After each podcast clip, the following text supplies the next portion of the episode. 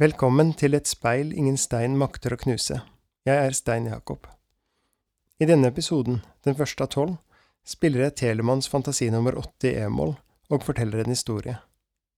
Skriabin forbinder musikk i E med fargen blekblå, og Ernst Power beskriver affekten forbundet med e-moll som sørgende og med tegn på en rastløs sjel.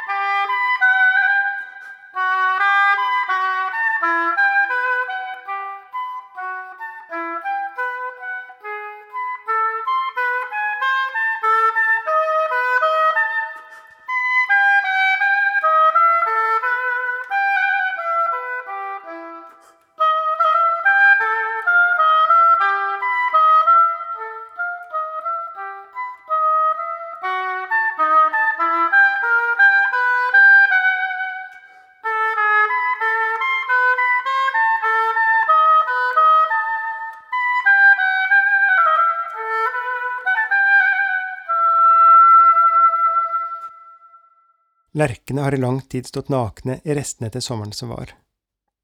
De gule nålene som nå ligger under snøen, var en gang intenst lysegrønne da våren nærmet seg høyden, og så ble mørkere, modnere da luften tyknet frem mot sommeren. Nå står de høye trærne utkledt, nesten selvlysende, i den blekblå morgenluften. Naturen har, i sin grenseløse ekstravaganse, dekorert hver enkelt gren med millioner på millioner med små, gjennomsiktige nåler, hver og en med sitt eget krystallmønster. Den grove barken har fått kantene streket opp på samme måte, og under skosålene knirker snødekket. En kvinne i sort ullkåpe og lyseblått skjerf kommer mot henne, ut av skogen, med en kortbent hund i enden av sort bånd. Frostrøyken står som små puff ut av munnen på dem begge. Kvinnen ser vekk idet de passerer hverandre, og snart er det bare et svakt sus fra byen som skygger for vinterstillheten. Hun stanser, ser utover fjorden i åpningen mellom to trær. Fjorden puster også frostrøyk i dag, og om en liten time vil de første solstrålene fange toppen av de lette bankene som driver inn mot byen. En gang gikk havet helt opp hit, til strandlinja, det som i dag er en turvei anlagt på naturlig avsats i det bratte terrenget, en avsats som for 10 000 år siden var kystlinje under isen. I liene nedenfor ligger sedimentene lag for lag, naturens grenseløse ekstravaganse i millioner på millioner med ørsmå partikler, leir, nennsomt bundet sammen av saltet fra sjøen som trakk seg tilbake. Leir bundet sammen av salt. Kvikkleire. Kulden setter seg i kroppen. Dette året hadde startet med bildene av redningshelikoptre på letning etter mennesker i et stort, brunt hull i terrenget midt på natten, den faste grunnen som gir etter når bindemiddelet mellom partiklene er vasket vekk av menneskelig undergraving og erosjon fra et våtere klima. Hun snur og går hjem. Vanligvis går hun av bussen to stopp før, for å følge elven inn til sentrum og jobben, men nå har kontoret stått tomt i trekvart år, og skillet mellom jobb og fritid er ytterligere visket ut. Ikke at det hadde vært noen god idé å gå langs åpent vann i tolv minusgrader heller. Fra kjøkkenvinduet hjemme ser hun røyken fra en fabrikk stige loddrett opp mot en gråblå horisont, inn i den røde soloppgangen, gjennom det oransje beltet like over, og løse seg opp i en klar, lyseblå januarhimmel. Dampen fra morgenkaffen stiger opp forbi den røde blusen, nålen på jakkeslaget, smykket i halsgropen, og løser seg opp under nesen på henne, minner henne om at møtet begynner allerede om tre minutter. Hun river seg løs fra utsikten og det blå lyset, retter på et bilde på veggen bak stuebordet og logger seg inn, blekblå i ansiktet i lyset fra skjermen. De samme ansiktene møter henne fra hver sin firkant, de samme menneskene rasler med papirer foran åpne mikrofoner, og de samme stemmene konkurrerer om å få starte sin setning, inntil møtet tar til og ordstyreren krever håndsopprekning. De sitter rundt middagsbordet. Sønnen holder frem et glass. Mannen strekker seg etter bacalaoen. Det er bare lyden av bestikk som kamuflerer klokken som tikker på veggen bak dem. Han sier, Du har vannet ut klippfisken for lenge. Hun tapper vann i oppvaskkummen for å vaske en ildfast form. Ute har det blå kveldslyset blitt tappet ut av himmelen og sluppet frem en stjernehimmel man ikke kan se fra byen. Hvem vet, kanskje er det nordlys i kveld?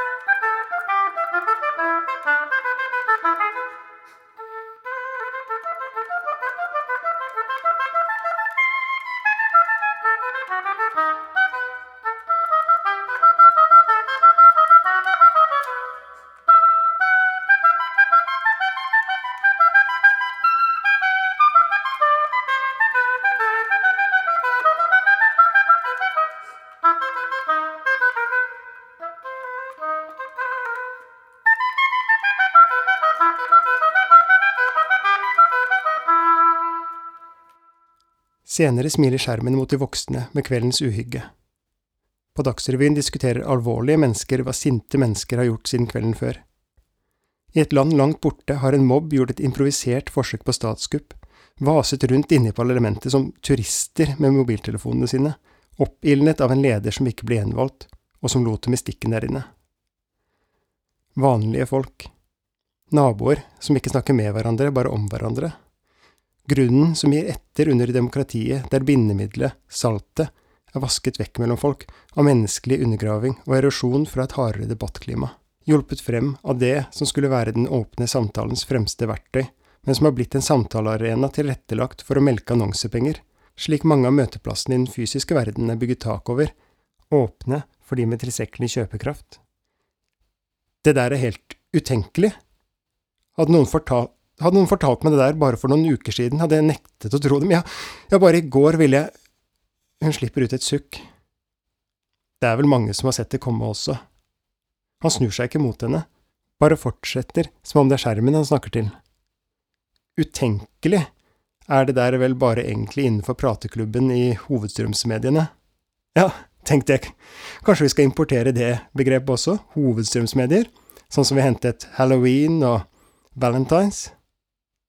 Nå er vel mediene ganske samkjørte her hjemme også. Kanskje ikke så lett å få øye på, for du tilhører vel ingen elite. Hva er det med deg om dagen? Du er da like mye elite selv, det har du alltid vært, for ikke å si elitist. Er det noen som er tjent med status quo, så må det da være en underdirektør. Sønnen kommer inn. Faen, det er hockey i dag. Hun kommer seg opp og ut i gangen. Bagen, har du pakket bagen? Du skal jo på hockeytrening, kom igjen, skynd deg, vi er sent ute. Han vinker og løper, med skøytene over skulderen og en altfor tung bag. Luken til bagasjerommet kløyver strålene av eksos og smeller igjen. Hun setter seg inn i førersetet, skrur ned setevarmen. Radioen drøvtigger analysene fra Dagsrevyen. Tirsdag har blitt torsdag. Det kalde været trer til side for varm luft fra kysten. Det er uvær i nord. Millioner på millioner med tynne isnåler løser seg opp i ingenting, og trærne står ribbet og svarte tilbake. Hun tar med seg lukten av kaffe fra kjøkkenet og inn på stuen, retter på jakken, blir en firkant blant andre firkanter, og hører at de samme kollegaene har glemt å skru av mikrofonen igjen. Små mm og ja høres med jevne mellomrom, blekblå i ansiktet av avstanden mellom dem alle. I lunsjpausen går hun opp i loppstuen. Det grå lyset utenfor lager ingen skygger inne. Hun ser seg rundt, blir stående og skifte vekten fra den ene foten til den andre med nettbrettet hans i hendene. Et helikopter skygger over lyden av små dråper mot vinduet. Han har skiftet koden. Han har parkert hennes bil inne, så hun tar Teslaen til ishallen. Ungene finner hverandre på parkeringsplassen og tumler mot inngangen sammen med noen av de mer ivrige foreldrene. Hun vinker til ryggen hans og kjører. Det er stille i trafikken i vintermørket, og hun svinger på en puls sørover, vekk fra ishallen, vekk fra hjemmet.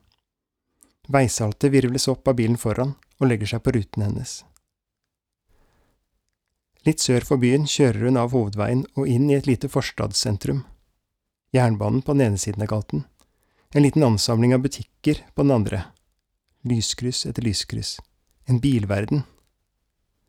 Hun stopper utenfor en Rema-butikk for å handle inn til morgendagens middag, og skriver dato og tid på en lapp som hun legger i frontruten i mangel på datoskive. Bilen, bilen hans, er full av søppel og tomflasker, så hun tar en bærepose og begynner å rydde. Cola, cola, cola, Pepsi. Cola, cola, Farris. Det må være hennes. Pepsi Cola. Sprite. Kjettinger, snøspade, cola, en tom spylevæskekanne, et grått teppe, Pepsi, et lyseblått skjerf.